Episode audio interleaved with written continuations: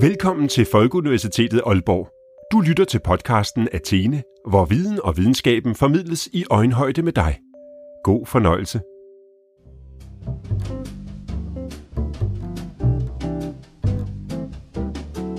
Alle kender sport. Nogle måske kun fra idræt i folkeskolen, måske ungdomsuddannelserne. Eller også så følger de i hvert fald måske med et eller to sportshold, eller har set en landskamp eller to.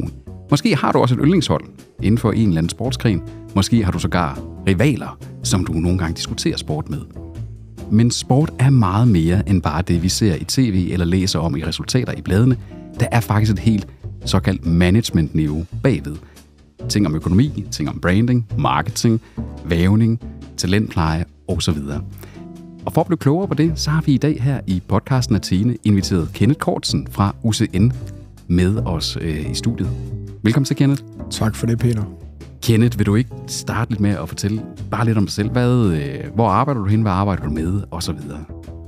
Jamen, jeg har min primære ansættelse på UCN, har været i, i det setup siden 2006, og jeg er tilknyttet sportsmanagementuddannelsen, en uddannelse, jeg selv var med til at, at søsætte i sin tid. Jeg blev ansat i 2006, i øvrigt af min, min tidligere speciale vejleder på Aalborg Universitet, hvor jeg skrev kant mærk og havde skrevet om, omkring udfordringer og problemstillinger inden for sportens verden, og det synes Per, min daværende chef, var interessant, og han gik med de her tanker om at skulle etablere en bacheloruddannelse, en professionsbacheloruddannelse mm. inden for sportsmanagement. Og når det endte med, at vi, vi i 2009 udbød den her professionsbacheloruddannelse i, i sportsmanagement, som, som jo så har udklækket de første studerende eller dimittenter i 2011, fordi det er en top-up-uddannelse ja, okay. på eksisterende toårige KVU-uddannelser som markedsføringsøkonom, serviceøkonom, finansøkonom osv.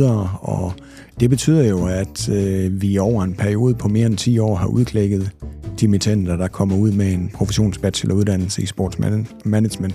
Så det var sådan egentlig mit, mit grundlag for at komme ind på UCN og arbejde der, og så har jeg altid været i i sport og haft interesse for det. Jeg er en af de... Øh, et af de børn, der er vokset op med at dyrke rigtig meget sport. Jeg kan huske, at på et tidspunkt i, i, i barn og, og ungdom dyrkede både tennis og badminton og fodbold og, og håndbold, og så ved siden af, så havde man også interesse i andre sportsgrene, men det var sådan det, jeg gik til på, på samme tid, så øhm, da jeg blev lidt ældre, blev det fodbolden, der trak, fordi man, man også havde et talent inden for det, og, mm-hmm. og endte med at komme til at træne på Superliga-niveau.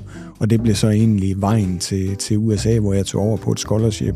Også fordi jeg tænkte, jamen det kan godt være, at jeg kan få nogle Superliga-kampe hernede i, i Viborg, hvor jeg spillede på det tidspunkt. Men jeg ryger nok ikke til Chelsea, så det der med at få muligheden for et eventyr, hvor jeg samtidig kunne betale og finansiere min, min uddannelse, det var noget, som jeg synes var, var interessant, øh, og det bar mig så ind og arbejde også med sportsmanagement, efter jeg havde læst min bachelor og, var påbegyndt min, min MBA og var færdig med at, at spille derovre. Så jeg har jo selv dyrket det på, på elite-niveau, og ja, ja. da jeg kom hjem, øh, gik jeg også trænervejen og har taget en UEFA-licens, og jeg er også uddannet elitetræner inden for, for fodbold. Og, har, og så har jeg altid været nysgerrig, som du er inde på, Peter. Jeg har læst en Ph.D. også, jeg har en MBA, jeg har en jeg har en kant mærke, så jeg har altid været nysgerrig i forhold til at lære, og det her med viden har altid ja, tiltalt mig. Altså det med at blive klogere er jo også en... Jeg tror altid, jeg har været sådan meget præget af også interaktion. Det her med, at der ligger meget læring ude omkring os, så det handler også om at være open-minded. Ja, ja. Hvad enten vi, vi nu sidder i Aalborg, eller kigger ud mod hele Danmark, eller går ud og kigger ud over de, de nationale grænser og kigger på det internationale landskab. Og der tror jeg rigtig meget på det her med interaktionen. Også når jeg står... Øh, hvor jeg står som ansat på UCN. Det er jo en professionshøjskole. Yes. Og der står i vores bekendtgørelse, at forskningen skal gerne være praksisnær, den skal gerne være brancherettet, og, og den skal gerne være anvendelsesorienteret. Og det synes jeg passer rigtig godt øh, ind i forhold til os at have fødderne solidt plantet i, i den sportsverden, vi uddanner folk til.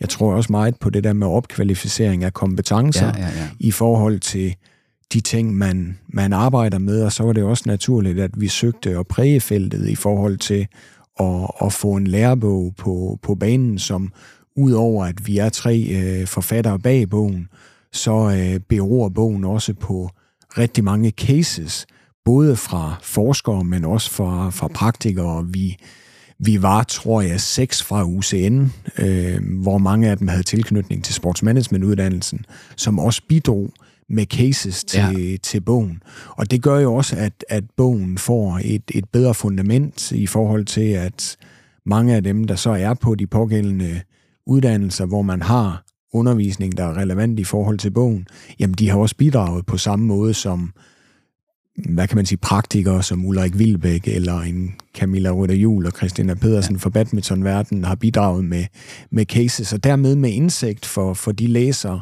der jo gerne skal se øh, det giver sådan en hook, ja, på sådan sportens sådan hook tie, ikke også, med, at man kan jo, forbinde det med noget fra en eller anden, enten sin, hvad, sin virkelighed eller sin praksis, ikke? Altså, jo, der, og, og det er jo både interessant for, for dem, der gerne vil noget i sportens verden, og få kendskab til teori, der er relevant, til forskning, der er relevant, men jo også til praksiserfaringer, fordi Camilla Røder Jul og Christina Pedersen, ikke? Jamen, de har så meget erfaring fra at have spillet OL og diverse internationale turneringer, og ser selvfølgelig nogle ting, bagved gardinet eller forhænget ja, ja. i den sportsverden, som ofte for udenforstående kan være lukket.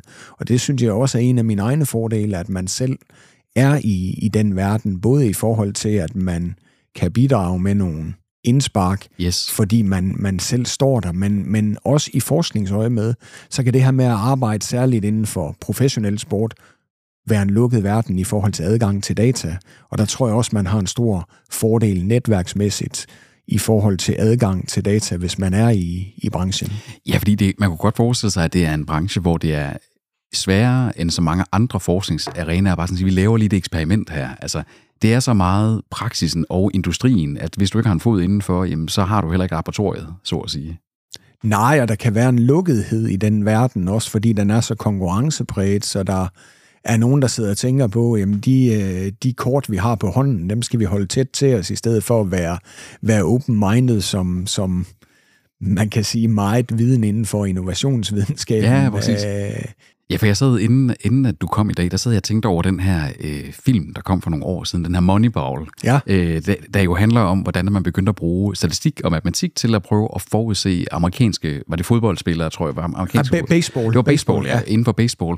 Hvem der var on a trajectory til at blive mm-hmm. rigtig gode, og så købte mens de var rigtig billige. Ja. Så det var med Jonah Hill, og var det Brad Pitt, der var med i filmen. Øh, Lige nøjagtigt, øh, ja. Og, og jeg så tænkte, det, det er jo sådan ind i den arena, der, altså sige, hvis man først fandt ud af sådan noget som det, ja og jeg som kom som forsker, så sagde, det er fandme spændende. Mm. Og det er jo baseret på en autentisk case. Ikke? Ja, Oakland A's i, uh, i Major League Baseball. Og det var jo sådan en formel, den prøvede man jo at rushe til at kopiere, mm. og, det, det, og det tog jo, så vidt jeg, jeg kunne få finde frem til, da jeg søgte på det, faktisk lang tid før det blev forskningsmæssigt velbeskrevet, hvad der ja. egentlig var foregået. Mm. Og det viser jo måske meget godt, at der var en lukkethed i, i et ekstremt interessant fænomen, ja. ikke også? Datadrevet sport ja. management lige pludselig, ja. ikke også? Altså, jo. Sådan, der var sådan helt, hvor folk grinede jo af dem i starten, ja. at det var, de havde gang i med deres ja. opkøb dengang. At, øh...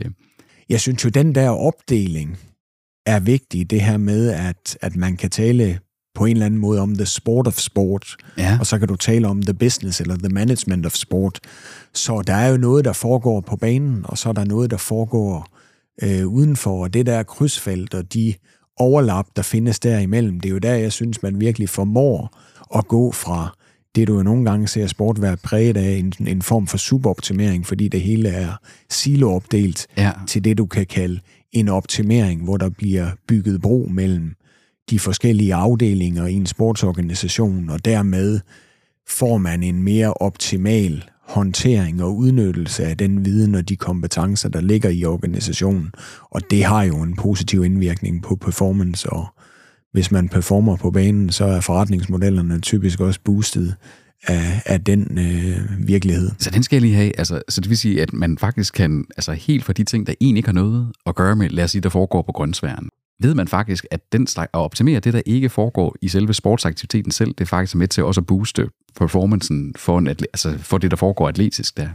Jamen, jeg plejer at sige, inden for, for branding i sport, så skal noget være relevant, og det skal være relevant her og nu, og hvis man finder noget, der er relevant i forhold til den content eller de produkter, man smider på markedet, jamen hvis du kan kapitalisere på den relevans, jamen så har du jo flere penge, du kan bruge til at investere i talent, og det er jo ah, egentlig okay. det, der er essensen eller humlen, men, Men når du spørger mig så direkte, så er jeg jo som træner også meget bevidst om og præget af, at kerneaktiviteten, det vil sige fodbolden på grønsværen, eller håndbolden i hallen, eller ishockeyen, er medbestemmende for, hvor nemt det kan være at drive den forretningsmæssige del. Og så er der selvfølgelig undtagelser og nuancer, der kan diskuteres. Altså du kan tage en klub som FC St. Pauli i, i Hamburg, øh, som er blevet en kultklub, og en klub, hvor det handler rigtig meget om værdierne mm. og den her øh, tribal behavior, eller det her stammelignende tilfør, tilhørsforhold, som, som folk har til klubben, hvor mange også er samlet omkring en, en politisk aktivering af holdninger præget af den ja. politiske venstrefløj.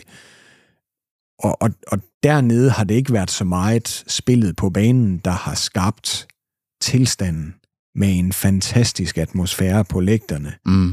Og så jo egentlig også en kommercialisering af deres dødningehoved logo, ikke? Ja, ja, ja. Det har mere været meget af det, der sker uden for banen, fordi St. Pauli har jo aldrig sådan rigtig øh, kunne måle sig med de store i Tyskland, som Bayern München eller Borussia Dortmund, eller for den sags skyld med de bedrifter, som HSV, den anden Hamburg-klub, ja. har skabt som vinder af Europakoppen i for mesterhold i starten af, af 80'erne, ikke? og med Champions League-deltagelse. Så, så der kan jo findes eksempler inden for, inden for, inden for begge genrer, men, men mange gange, hvis man er inden for sportsledelse og sportsmanagement, så har det bare betydning, når det er elitesport eller professionel sport, vi beskæftiger os med, om man vinder. Og vel også noget med adfærden på banen, og altså, i, i, altså, hvordan atleten opfører sig, for eksempel. Der har været meget tale her i forbindelse med øh, Holger Rune på tennisbanen, ja. for eksempel, ikke også, der er blevet en stor talent, ubestrideligt, ja. ikke også? Men også så, så fylder det lige pludselig tabloid på pressen, ja. hvordan han nogle gange øh, opfører sig som menneske, for ja. eksempel. Ikke? At, at, at det er vel ikke kun præstationer, det er vel også netop, at, at, at sport er jo også dog udført af mennesker, øh, som altså Danmark vandt ikke, ikke EM, men hold da op, det var jo nærmest som en, øh, som en Hollywood-film, ikke også? Jo, den måde, jo, jo. Danmark sådan blev modtaget og blev i talesat verden ja. over, ikke også? På grund af den måde, man så også som hold løftede sig efter sådan en, en, en tragedie der, ikke? Altså, så det er vel ikke kun præstationen i sig selv, det er vel også en et eller andet med, hvordan man egentlig altså, ja, agerer som mennesker, menneskelige sportsudøvere, ikke? Altså. Jo, det er jo hele charmen, Peter. Altså, sport er jo for mig, når, når du bringer det her på banen, så er det jo et spørgsmål om, om unscripted underholdning. Selvfølgelig er der et manus, når ja, jo, jo. folk går på banen i forhold til taktik og så videre. Og en spilletid, der skal overholdes. Og... Ja, men der er så meget emotionel kapital, og også så meget impulsivitet og intuition på spil, når man ser de her atleter leve sig ind i og leve sig med i, i kampen, eller i, i den performance, de skal udfolde på, på banen. Og det er jo noget af det, jeg synes er, er interessant også i forhold til, at atleter kan flytte kunder og markedsandele, ja. fordi idræt og sport er jo også en refleksion af identitet. Netop. Så hvis man kigger på fodboldlandsholdet, da Eriksen falder om på, på banen under EM i København mod Finland, jamen så var det jo noget, der også bevæger os, fordi vi har empati som mennesker. Mm. Empati bliver jo på den måde også noget følelsesmæssigt og noget psykologisk. Og vi lader os jo rive med, også når vi ser, hvordan spillerne, holdkammeraterne til Eriksen, takler det, hvordan ledelsen omkring landsholdet, fra toppen af DBU til, til særligt trænerstaben med julemand i spidsen, også håndterer den her vanskelige situation og henrykker befolkningen ved at rykke sammen i bussen og også spille rigtig god fodbold. Og undervejs skal vi også tage timingen med, fordi vi kan ikke isolere ting for tid og kontekst. Og timingen her var jo også, at vi stod sådan stadigvæk i corona-mørket, ja, ja. om man vil, ikke? Altså, der var ikke fulde huse. Ja, det var lidt en, perfekt, det var en perfekt storm, ikke også? Jamen, jeg var altså, selv over at se jo øh, kampen mod Rusland. Altså, jeg har aldrig oplevet noget lignende. Og det var ikke en, det var ikke en fyldt uh, parken i København, men det var en fuldstændig vanvittig gåsehuds uh, lignende ja. uh, oplevelse, hvor man kan sige, at hele befolkningen bliver jo revet med i den her, som man kan kalde den per, perfekte storm. Ikke? Og det synes jeg er rigtig interessant, men også når du bringer en, en Holger Rune op, fordi du er jo, ret, du er jo rigtig nok inde på, at, at sport også er adfærd. Selvfølgelig er det adfærd. Og, og, og det interessante omkring adfærd, ikke, det er jo, at, at der er nogle vaner, der præger en adfærd, mm. og adfærden skaber en, en kultur og påvirker jo i, i de her tilfælde produktet, ikke? Og så kan man sige, hvad er det for en identitet, der er på spil der? Fordi der snakker jeg ikke bare national identitet. Nej, nej. Der er jo også en identitet omkring tennissporten. Der er en grund til, at man i Wimbledon siger, jamen atleterne, de skal, de skal spille i hvidt tøj, fordi der er de her øh, værdier omkring sporten. Altså det er jo en konservativ, traditionel Sådan sportsgren, og sådan en gentleman sport, ja, ja, også? lige Altså, nøjagtigt. ja, ja. Så, så der er jo grænser for, hvordan man kan opføre sig, selvom vi har set en kæmpe verdensstjerne for årtier tilbage, som John McEnroe. Ja, ja, kendt for Træde- sit temperament. Ja, ja, træde, træde ud over de der, øh, de der rammer, og jeg synes jo også, at det er med til at skabe et, et underholdningslignende element. Øh, dermed ikke øh, sagt, at, at det er det, jeg identificerer mig med, øh, Nej, nej. Når, når folk agerer på bestemte måder, men jeg synes jo også, at Anja Andersen var et, et sindssygt Og, frisk og hendes pust, parløb med, med øh, Vilbæk i sin tid, ja, både ja, som, øh, og som træner. i håndboldverdenen, Ja, ja. ikke? Øh, Fordi hun kunne så meget sportsligt, som andre ikke kunne. Men, men samtidig så var hun jo også vild og jagtage på banen, fordi hvad enten det var, når hun var på banen, eller også senere, da hun Ja, blev træner, Ja. så sad man hele tiden med, med det her spørgsmål, hvad kommer der til at ske? Ja, ja. Og, og den der uforudsigelighed, og det spændings- og drama-element, Peter, der ligger omkring kampen, eller konkurrencen, eller idrætten og sporten, er jo også bevægende for, at vi sidder nogen ude bag tv-skærmene, eller i hallerne og arenerne, eller på stadion, og synes, det her det er sgu interessant at være en del af. Altså, hvordan leder man det der? Eller hvordan, man, man skulle næsten spørge, hvordan leder man efter de øjeblikke mm. der, ikke? Også når man så sidder bag tapetet, og sådan Ja. siger, jamen vi ved, at i sidste ende handler det også om at sælge billetter, og merch, og få talent øh, plejet og talent rekrutteret. Altså, kan man overhovedet skabe sådan nogle øjeblikke, eller kan man bare skabe forudsætninger for, at de, at de kan opstå på den bedste måde? Det er et sindssygt øh, godt spørgsmål, og intelligent spørgsmål. Og, og også et, der selvfølgelig kræver nogle, nogle overvejelser. Altså nu kan man sige, nu beskæftiger jeg mig meget med, med sportsmanagement, og både det her med ledelsesvinklen og lederskabsdimensionen. Og jeg tror rigtig meget på, at i, i sportens verden, det er også noget, jeg kigger på i, i forskning i forhold til kompleksitetsledelse i, i fodbold, at inden for sportens verden, der er der en tendens til, at vi hele tiden er præget af to ekstremer, og det er orden på den ene side, og det er kaos på den anden Ja, side. ja. Og, og der befinder vi os altid et eller andet sted i, imellem, og så kan man sige, hvorfor er det, vi træner? Det at træne handler jo om at, at øve noget, så at vi kommer så tæt på mestring af noget som muligt, fordi man kan diskutere, om man i det hele taget kommer til at mestre noget 100%, Ja, ja. eller om der altid er nye standarder, man kan sætte for human uh, performance, og jeg tror, det er, det er et drive for atleterne, at der er en form for uendelighed. Det Vi giver kan mening, ja. altid lægge nye lag, lag på, eller øh, udfolde nye teknikker, eller finder på, på nye måder. Så jeg tror, det handler rigtig meget om at influere rammebetingelserne for performance.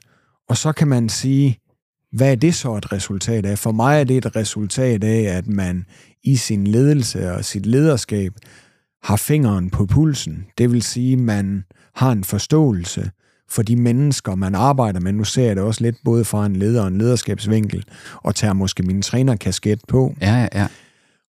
Og, og, og der er det bare vigtigt, at man ved, jamen, hvad stimulerer spiller A, kontra hvad er det, spiller B og spiller C bliver inspireret og motiveret af, for det behøver jo ikke være det samme. Men når vi er inde på det her med adfærd, så er der selvfølgelig et fælles mål. Alle, når det er elitesport, ønsker at vinde. Det er der ikke, øh, det er der ikke to meninger om. Det er derfor, de er med øh, i elitesport og sidder det ene omklædningsrum herinde på venstre hånd og vil vinde, så ved de, at dem inde ved siden af, de vil også gerne vinde. Ja. Spørgsmålet er, hvor meget de vil, de vil vinde, ikke? men hvorom alting er, hvad er det for nogle vaner, vi arbejder med? Ja. Hvad er det for en, hvad er det for en adfærd, vi fremkalder? Fordi det interessante ved, ved målsætninger bliver jo også, at når du opstiller mål, så er det også med til at regulere adfærd.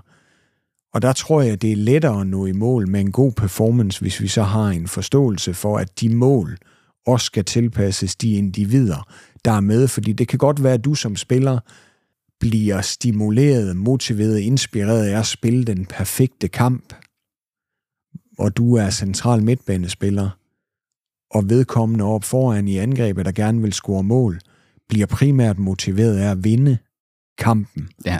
Det vil sige, at resultatet og den status og det, der følger med.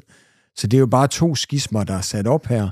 Så min pointe omkring, omkring rammebetingelserne er, at det er vigtigt at være tæt på, på spillerne, Ja. for at forstå, hvad det er, der trigger dem. Så er det vigtigt også hele tiden at have den rigtige balance i forhold til ledelsesdelen, og ledelse for mig bliver jo et spørgsmål om, at du koordinerer, du administrerer, du sætter øh, nogle strukturer op i din organisation af træning og måden at tilgå kampe og så videre på. Og det skal jo balanceres med den anden side, som handler mere om lederskabet. Det her med, at du som leder, hvad enten du er træner og står i omklædningsrummet og siger, nu har vi den og den taktik, og vi skal løbe i den og den retning, jamen så har du en evne til at skabe følgerskab, men du er også afhængig af, at der er nogle ledere på dit hold, som vi så i Eriksen henseende, Ja, ja, ja. Ikke, der tog hånd om den situation, der lige pludselig opstod. Og der må man jo bare sige en Kasper Schmeichel og en, en Simon Kjær og ja. så videre. Jamen, Julemand og, og trænerne kunne jo ikke have, have stået alene uden deres lederskab. Ikke? Og det er jo det der med, at der er mange ting, der skal gå op i en højere enhed. Og der tror jeg på, at jo mere man gør for at påvirke de rammebetingelser, det gør alle dem, der er træner og, og spillere og, og medvirkende aktører på det niveau. Ikke? Men, men der er selvfølgelig nogen, der har flere kompetencer til at arbejde med den, eller ikke flere kompetencer, men det kan være både flere og bedre kompetencer til at arbejde med, med, med, med den del. Så er der det, du måske har sværere ved at påvirke, og det er jo der, hvor idræt og sport, når vi snakker de store præstationer, Ja. også nogle gange er et spørgsmål om, selvfølgelig er der talent. Der er også et talent, der er i forhold til bestemte kvalifikationer, hvad enten det er den fysiske del af fodbold, eller den mentale del af fodbold, eller den tekniske, eller taktiske, ja. eller sociale del af fodbold, er på et rigtig højt niveau. Men hvordan får vi skabt de interessante sammenhandlinger, når det handler om holdsport? Og der bliver tingene også nogle gange for mig et spørgsmål om de her flow-oplevelser. Ja. Kan vi skabe rummet for det? For at du som spiller er i fuldstændig harmoni med situationen. Næsten ikke behøver at tænke over tingene. Og, og, og det hele falder på plads, ikke? Altså, jeg synes jo, det er interessant. Nu skrev jeg i min, min A-træneropgave i sin tid om, om tier-typen, den her kreative playmaker-types Ja. facilitering af offensive spilmønstre. Og så er det jo sjovt at tænke tilbage på VM i 98, tror jeg det var, hvor Michael Laudrup, han laver sådan en tip-aflevering, mens han løber i fuld fart. I en retning, så tipper han den ydersiden til Ebbe Sand, der perfekt tager den med med hovedet og flugter den ind mod Nigeria. Og så tænker man, hold da op, det er stærkt det der, men det, ja. kan, det kan du ikke nå at planlægge på det niveau. Det er jo det er afledt af intuition, og af at Laudrup havde den her Ja, sådan, talentfulde tilgang til En den tekniske, del, også? ja, Altså, øh, tekniske del af spillet. Ja, ja. Og han har været i lignende situationer før. Og det ved man også, hvis man har fulgt hans karriere, fordi han har lavet en lignende aflevering til Romario mod Osasuna i en kamp for, for Barcelona. Men jeg tror, det her med flow og med at få ting til at gå op i en højere enhed, det er jo det er jo afledt af, at man har trænet, og man har øvet ja. sig, men også det der med, at der er nogle ting, der er bragt i spil i forhold til ledelse og lederskab, og du har en fri, frihed og et rum til at præstere i. Ja, for det er vel også nogle gange med at, at, at ture. Det, det, jeg synes tit, man hører det, når kommentatorer også sådan siger, jamen de turer ikke, eller de, de, de chokede i det, ikke også? Altså, at Ebbe Sand og Michael Laudrup havde næppe øvet den finte der øh, tusind gange øh. Ja. op til.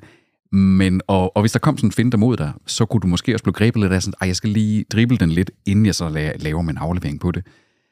Men man altså tør, også tør at reagere, ikke også? Altså der ligger vel også noget i, at det der, du siger med lederskab, at man faktisk ved, at man bliver grebet i, både de chancer, man tager, hvor det går godt, og også de gange, man tager chancen, og flowet ikke er der. Ja, det er også et spørgsmål om, om gefyle eller fornemmelse, eller det at have fingeren ja. på pulsen i forhold til, hvordan er de atleter, du selv arbejder med, eller den atlet, du selv arbejder med, hvordan er konkurrencesituationen. Så bliver det jo også nogle gange et spørgsmål om en analytisk tilgang. Også når vi snakker en holdsport som fodbold, hvordan sætter Mhm. mm-hmm. jeg bestemte spillere over for nogen, hvor jeg føler, at de kan have et overtag, og at vi får den del bragt ind i, i spillet, det er jo også, øh, det er jo også en interessant øh, iagtagelse. Men, men jeg synes, sådan bare lige for at svare på dit spørgsmål, Ja. så øh, stod jeg for en øh, U13-kamp i OB, hvor vi spillede mod Jørgen her den anden dag. Og det var et U13 anden hold, hvor jeg vikarierer lidt for at hjælpe klubben, fordi der er en træner, der er sygemeldt. Og øh, vi ender med at vinde kampen 1-0, og vi spiller 8 mands her, og så vil folk sidde og tænke på, hold da op, hvis de bare ser resultatet, nu er de parkeret bussen, dem der. Ja. Og mange gange, ikke, så kan man sige, det kan du selvfølgelig godt gøre, så kan du spille på omstillinger, så kan du få et heldigt mål til 1-0. Men det var faktisk det modsatte, vi gik ind og gjorde, hvor vi valgte at spille ultra offensivt. Vi spillede med to nede bag i, tre på midtbanen ah. og to angriber fremme. Og, og, og der tror jeg også nogle gange, det der, som du er inde på med mod, det bliver jo også et spørgsmål om tillid og tryghed og så videre i forhold til ledelsesdelen og, og, og lederskabet. Fordi selvfølgelig agerer du individuelt inde på banen, men, men du er også et produkt af folk omkring dig, og den der miljødiskussion Ja. er sindssygt vigtig, når vi, når vi snakker idræt og sport, og du har været inde på det tidligere i den her samtale. Ikke? Altså, nu kommer jeg fra Lykstør her i Nordjylland. Øh, altså bosat i Aalborg har været meget rundt i, i verden, ikke? Og, Ja. og du kan godt tage en knægt ud af Lykstør, men det er ikke sikkert, du kan tage Lykstør eller miljøet og, og den opvækst, man har haft ud af knægten. Og der tror jeg rigtig meget på de miljøer, vi færdes i. Det er noget, vi i rigtig høj grad bliver påvirket af, og det har mere at sige over tiden, genetikdelen, når vi snakker sport. Selvfølgelig er det en kæmpe fordel, hvis folk er, er født med et talent, men, men nogle gange så er det også interessant at se nu, kan man tage inden for håndbolden, der er jo flere landsholdsspillere, der har haft forældre, der var halvinspektører. Hvad er de, Ja, så, ja. hvad er de så brugt tiden på i deres barndom? Ja, Måske, vide. måske at, at øve skudvarianter i hallen, eller, eller husmandsfinder, eller Radjenovic, eller lignende finder inden for håndboldverdenen.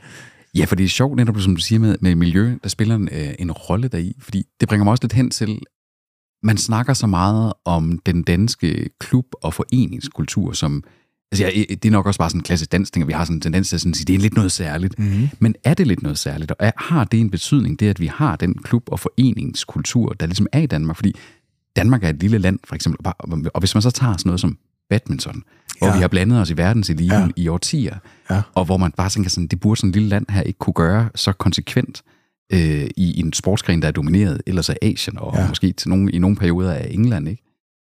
Det tror jeg også er, er en tilstand, der er præget af, at øh, man giver videre fra generation til generation.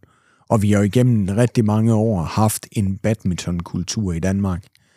Og Victor Axelsen, der står som, hvad kan man sige, verdensmester og på toppen af verden, ikke? han har jo selv udtalt sig rigtig positivt omkring vores foreningskultur og, og, og den idrætskultur, han dermed er vokset op i. Ja, nemlig. Så jeg tror, det der med, at vi i Danmark har en idræts- og sportsverden, der er præget af rigtig god tilgængelighed.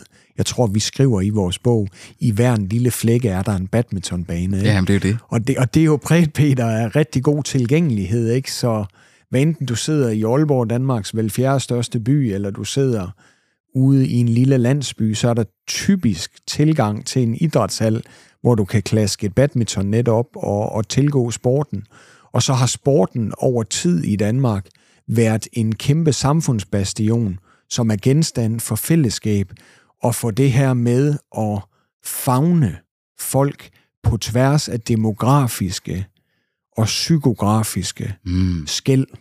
Og det tror jeg virkelig er noget, vi skal værne om her i, i Danmark, fordi det er noget unikt. Jeg har boet i USA i fire år, jeg har undervist på University of San Francisco på deres øh,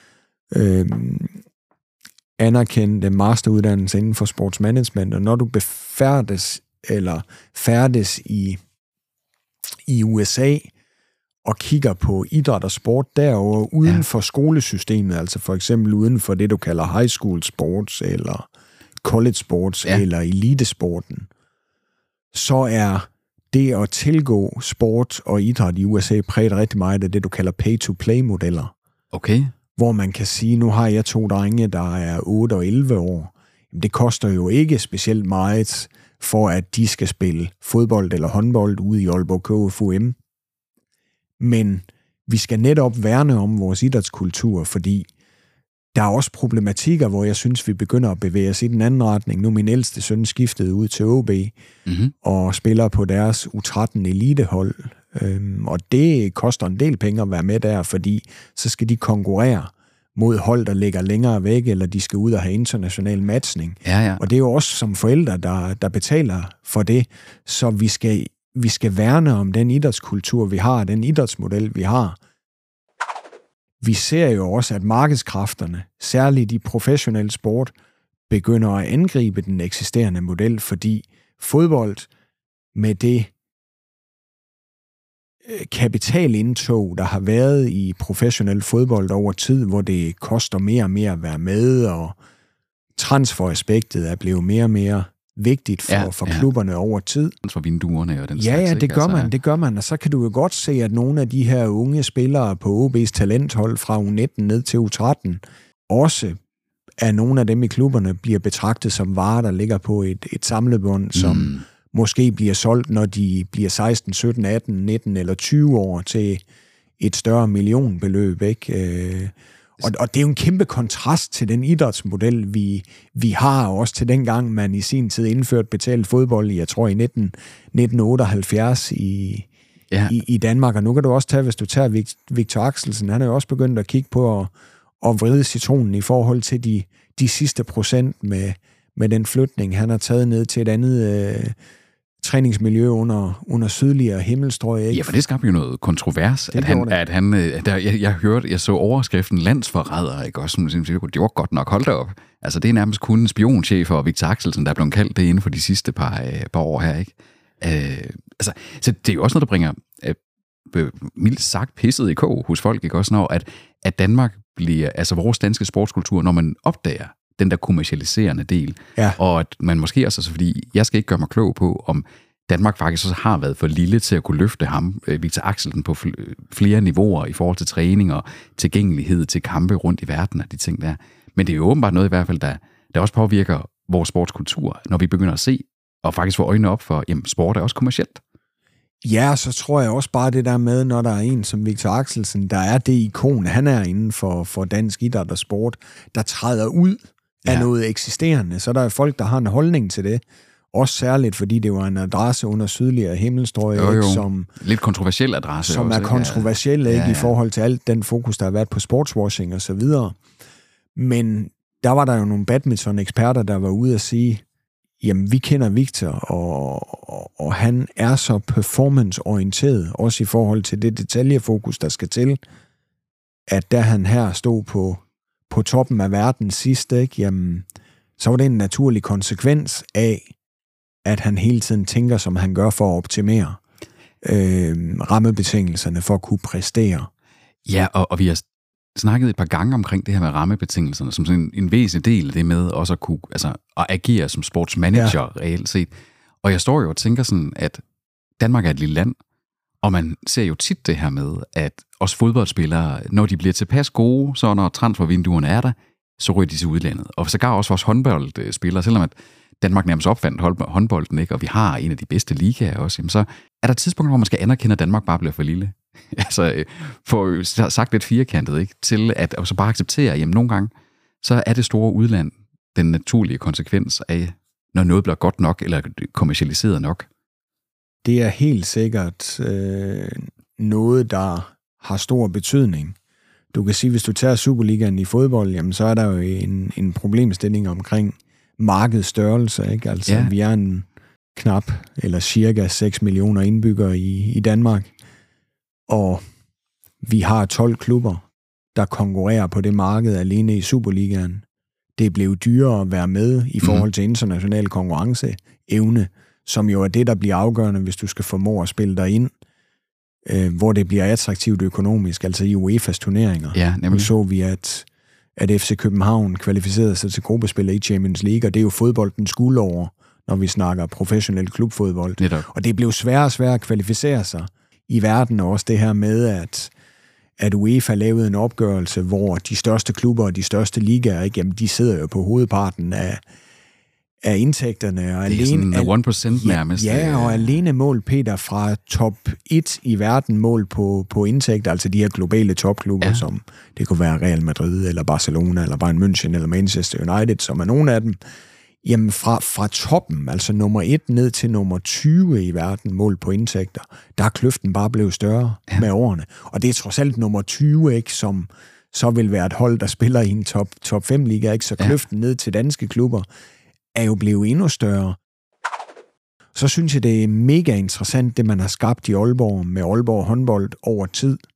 Der har man et solidt markerskab i Jan Larsen og Egil Christensen, som pengemanden bagved, og så har man fået øh, ham Mark fra, fra Coolshop med ind over os, og man har skabt et rigtig godt organisatorisk fundament over tid, hvor Aalborg har fået en rigtig god, jeg vil kalde det produktionseffektivitet. Ja, Ja, der er ja. ofte det, man kalder produktionsineffektivitet i sport, fordi da OB vandt mesterskabet i 14 eller i 8, hvad sker der så med holdet?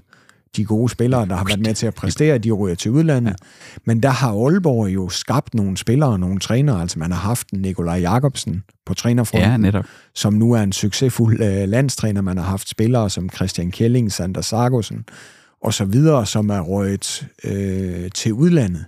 Og der er de hele tiden formået at erstatte de folk, der har forladt skuden, og hente nye spillere ind, der har præsteret. Det har de været rigtig gode til det der over tid, og nu øh, har man så formået at tiltrække nogle af de danske spillere, som har været ude at spille. Mm. Og der er jo også noget omkring kontrakter, og hvor lang tid har du været i udlandet, i forhold til, hvordan det spiller ind i forskerordninger og lignende, altså med, Ja. med løn til spillerne. Så det, at man nu kan hente en verdensstjerne som Mikkel Hansen hjem til Aalborg, og andre verdensstjerner, der kommer med, ikke? Jamen, det er jo mega positivt, men det er jo også bare et eksempel på, at Janne Ejgil og de andre, der har været inde over Aalborg håndbold, har præsteret og har gjort noget godt over tid. Og det er jo også igen kernen af dit spørgsmål. Ja.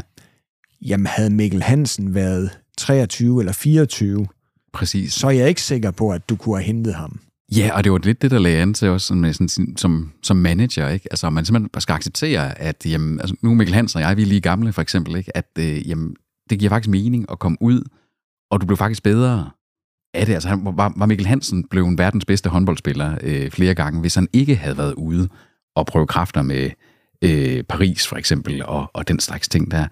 Så der ligger vel også en eller anden give slip i en, i en periode på nogen, og så, og så, som du siger, sådan, arbejde sig hen mod en position, hvor man lige pludselig er attraktiv til at kan hive folk hjem igen også.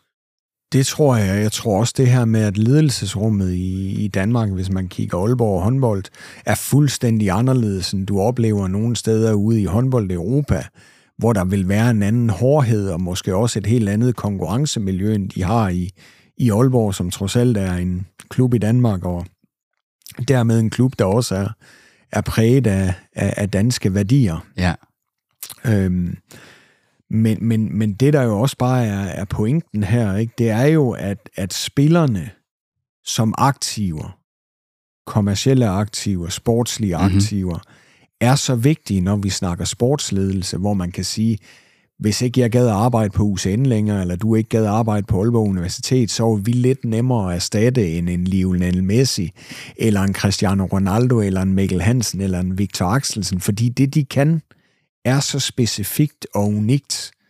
Øh, og heller ikke noget, du bare kan lære. Nej, og talentet gør så stor en, en forskel, og det er jo derfor, man kan sige, at i sport handler sportsøkonomi jo rigtig meget om at investere i talent. Hvad enten det er talentudvikling og den talentmæssige infrastruktur, ja, ja, når man udvikler spillere ned fra akademidelen op til at blive flyvefærdige på, på højeste liganiveau, men jo også det her med, at man investerer i allerede færdigudviklede stjernespillere, som Ja, ja. nu en Mikkel Hansen, der jo har været en spiller, der har haft et fantastisk niveau på verdensplan gennem lang tid og har hævet landsholdet op til at vinde de største titler et dansk herrelandshold nogensinde har vundet. Ikke? Og så tror jeg, noget af det, der er rigtig vigtigt også, det er, at hvis du skal vinde, ikke, så bliver det her med at investere i talent, altså hele rekrutteringsdimensionen på det sportslige plan, det bliver jo en vigtig ting. Har du verdensstjerner inde? Har du den viden i organisationen? Kan det være nemmere at rekruttere unge talenter?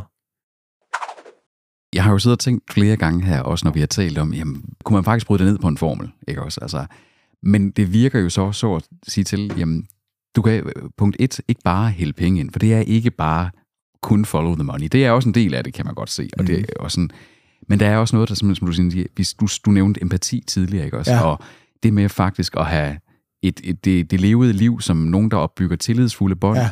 erfaring med hinanden, ja. og alt det der, som du bare ikke kan lære andet end... Der er jo ikke nogen genvej til erfaring, og, og også med mellem hinanden men, som mennesker, der, at, at sportsmanagement handler måske også faktisk om tid. Altså, der er sådan en væsentlig ja, ja. tidselement her. Ja, selvfølgelig.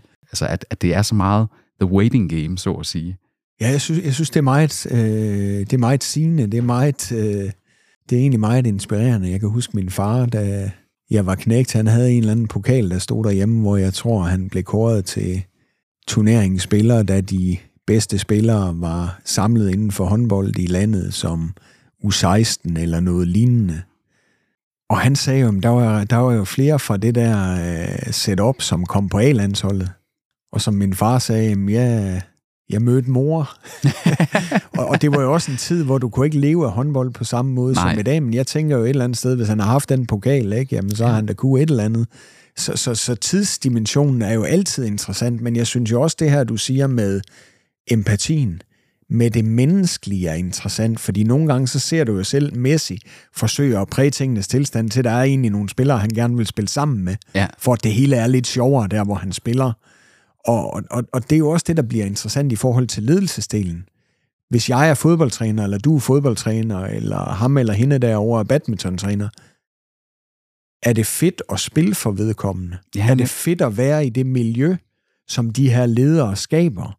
Har vi på ungdomsplan, altså hvis jeg kigger på, på OB, hvor jeg færdes til dagligt, det synes jeg også er interessant, det her med, hvad er det, vi rekrutterer mm-hmm. trænere på baggrund af? Er det deres spillererfaring? Er det deres trænererfaring? Er det det, at de har en elitetræneruddannelse fra DBU-systemet?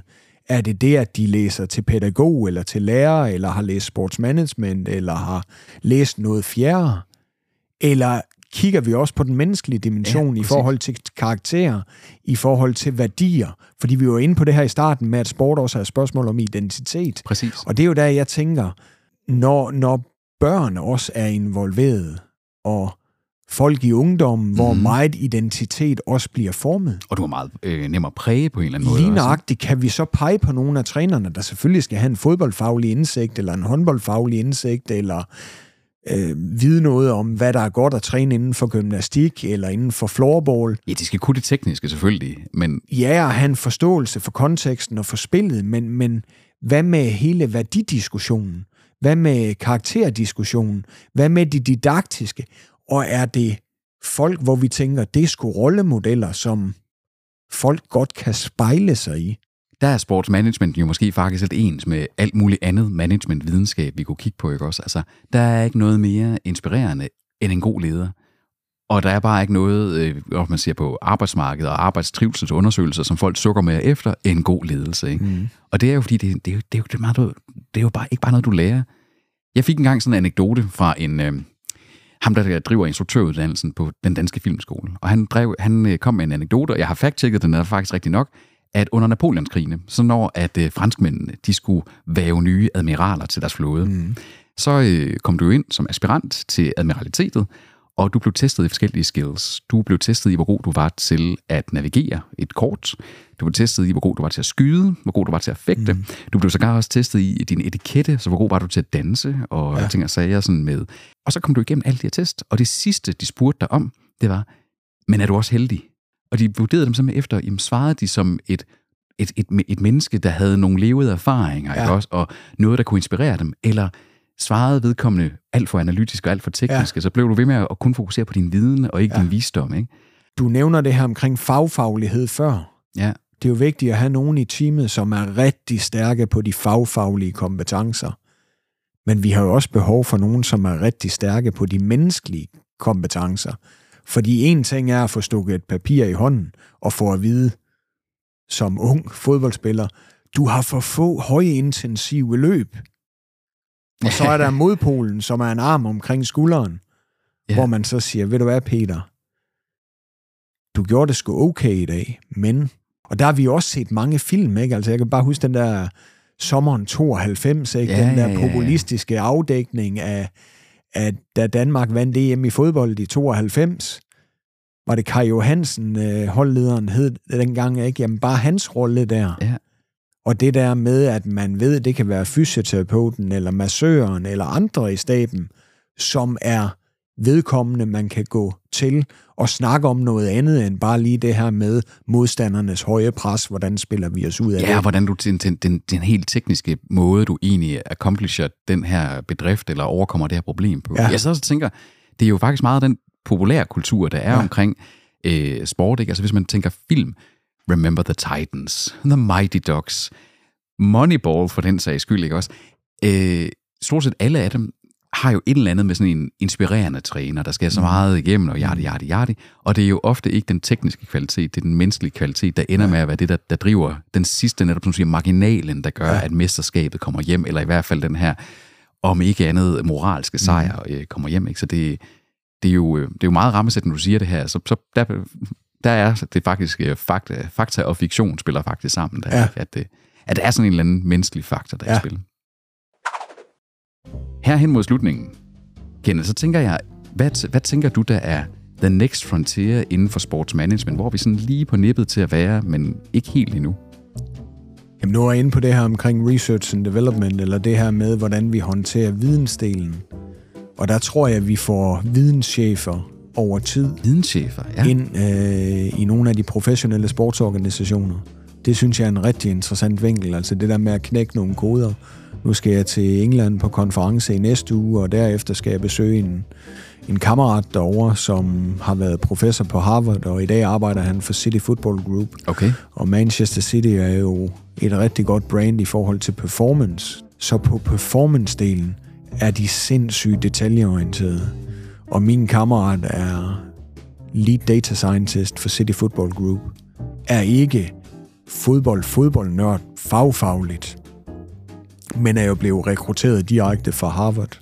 Så er han jo en moderne Moneyball-figur, og det er jo også bare et eksempel på, at datarevolutionen er skyllet ind, og så forsøger man at tage den nogle skridt øh, videre.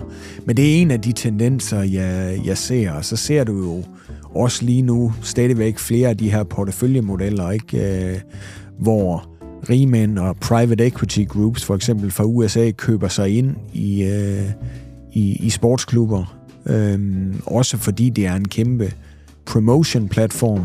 Det er jo også det, der ligger bag Ja. hele sportswashing øh, tilgangen. Så det er også en, en tendens i, Hvordan i påvirker, sportsverdenen. hvordan påvirker det så sportsverdenen, at, at det er den slags investorer, og ikke den lille SMV eller samlingen af logoer af kendte virksomheder, der lige pludselig er på ryggen? Altså, Jamen, det er jo med til at give kapital til nogle af, af de klubber, der rigtig gerne øh, vil præstere.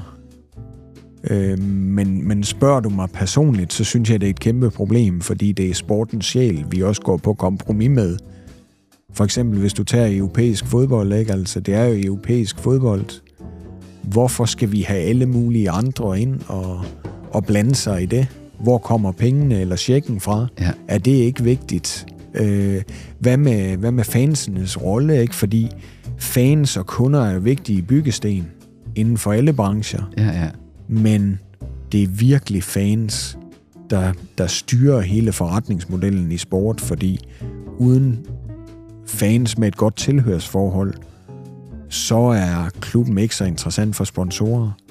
Der, der tror jeg på, at vi i kølvandet på covid-19, i kølvandet på det, du også så med, med Rusland og Ukraine-krisen og, og den fokus, der er kommet på, på sportswashing, så har vi jo set over tid, at først social ansvarlighed blev vigtigt også i sportens verden. Det var det i samfundet og på virksomhedernes agenda. Ja, ja, ja. Det har flyttet sig ind i sportens verden.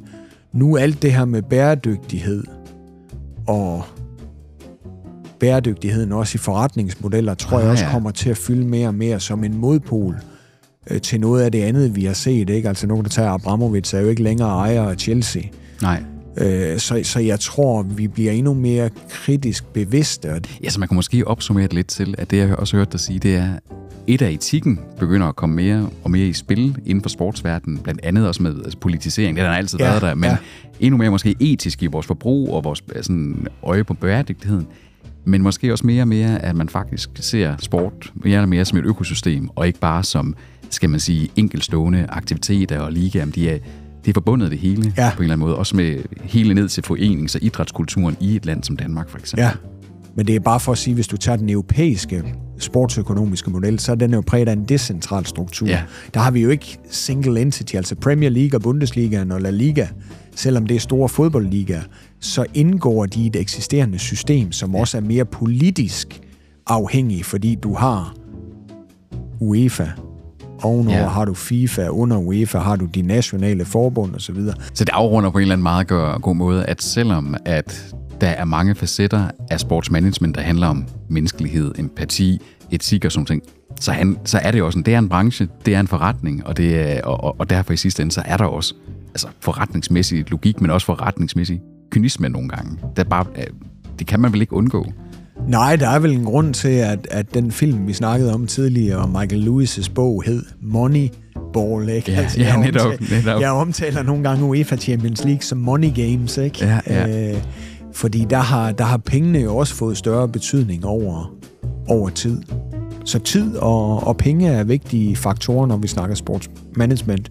Og det er egentlig noget, der er blevet endnu mere betydningsfuldt i, i takt med den udvikling, vi har set over tid, hvad enten det er på bredde foreningsniveau eller på elite-niveau, som, som jeg ser det. Og så er der selvfølgelig en masse andre ingredienser, vi kan, vi kan smide i gryden, men det har vi ikke tid til i dag, Peter. Jeg synes også, vi har fået dækket rigtig, rigtig, en rigtig stor... Jeg er blevet meget klogere i hvert fald på, øh, på sportsmanagement og hvad der ligger bag tapetet, end sådan en relativ sportsignorant person som mig i hvert fald vidste før. Kenneth, vi, skal, vi, vi, vi kan ikke sidde og snakke om sport uden lige hurtigt at, at spørge. Hvem, ja. er, hvem er the greatest of all time inden for alle sportsgrene? Uha. Uha. En som Pelé ja. altid også har været en fantastisk god ambassadør for, for fodbold, og jeg ved ikke, om det handler om Brasilien, og det her også med menneskelige øh, menneskelige sider i forhold til, han har altid stået for mig som en kæmpe ambassadør for fodbold, ja, ja, ja. hvor det handler om lejen og passionen og kærligheden til spillet.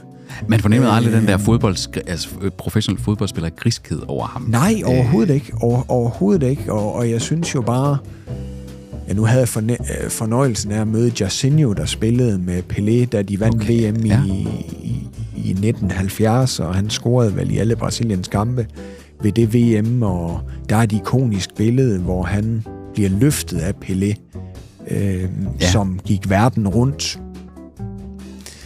Og, og, og der havde jeg også den der opfattelse af, hold da op, jamen det er jo bare passion, det er jo bare kærlighed. Ja, ja, ja. Det var det, han snakkede om, når han snakkede fodbold. Det var ikke alt det her med penge og berømmelse og så videre. Det, det var ikke vigtigt. Det var bare glæden lejen og så videre. Og det er jo det, vi skal huske på. Det er jo derfor, vi til at starte med kaster os i færd med det. Og, og jeg synes jo, man skal ikke spille på grund af penge. Man skal ikke spille på grund af status og berømmelse.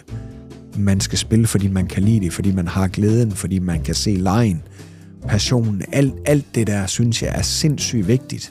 Og hvis du tager det med over til ledelsesdelen og lederskabsdelen, jamen så tror jeg bare, det har en positiv afsmittende effekt, også på miljøet. Det tænker jeg, der er et fantastisk punktum for den her episode her, at i sidste ende så handler sport om simpelthen også passion og kærligheden til sporten. Den der intrinsiske motivation, så kan der komme alle de her moneyball-ting ind. Det kan tids nok komme, så at sige også, ikke? Jo. Kenneth, tusind tak for, at du var med i den her episode om sportsmanagement, og jeg, jeg er helt sikker på, at folk derude blev noget klogere på både, hvad det dækker over, men også hvor komplekse facetter, der egentlig er i moderne sport, og moderne sport som også en, en business. Øh, så tusind tak, for at du var med, Kenneth. Selv tak, det var en kæmpe fornøjelse, og jeg håber, at folk bliver inspireret af det. Vi kommer i hvert fald vidt og, og bredt omkring, Peter, så, så tak for at invitere mig med. Det må man sige, og det var så lidt. Det var den her episode af podcasten Athene. I næste episode, der skal vi til historieland, eller nærmere snakke om historieløshed. der skal vi snakke omkring forskellige facetter af, hvordan vi måske nogle gange har en tendens til at glemme både vores lokale historie og den globale historie, og hvordan de to niveauer nogle gange kan gøre os lidt klogere på, hvordan vi skal agere i vores samtid. Så følg med i næste episode. Jeg er jeres vært Peter Vistisen. Det her det var podcasten Athene.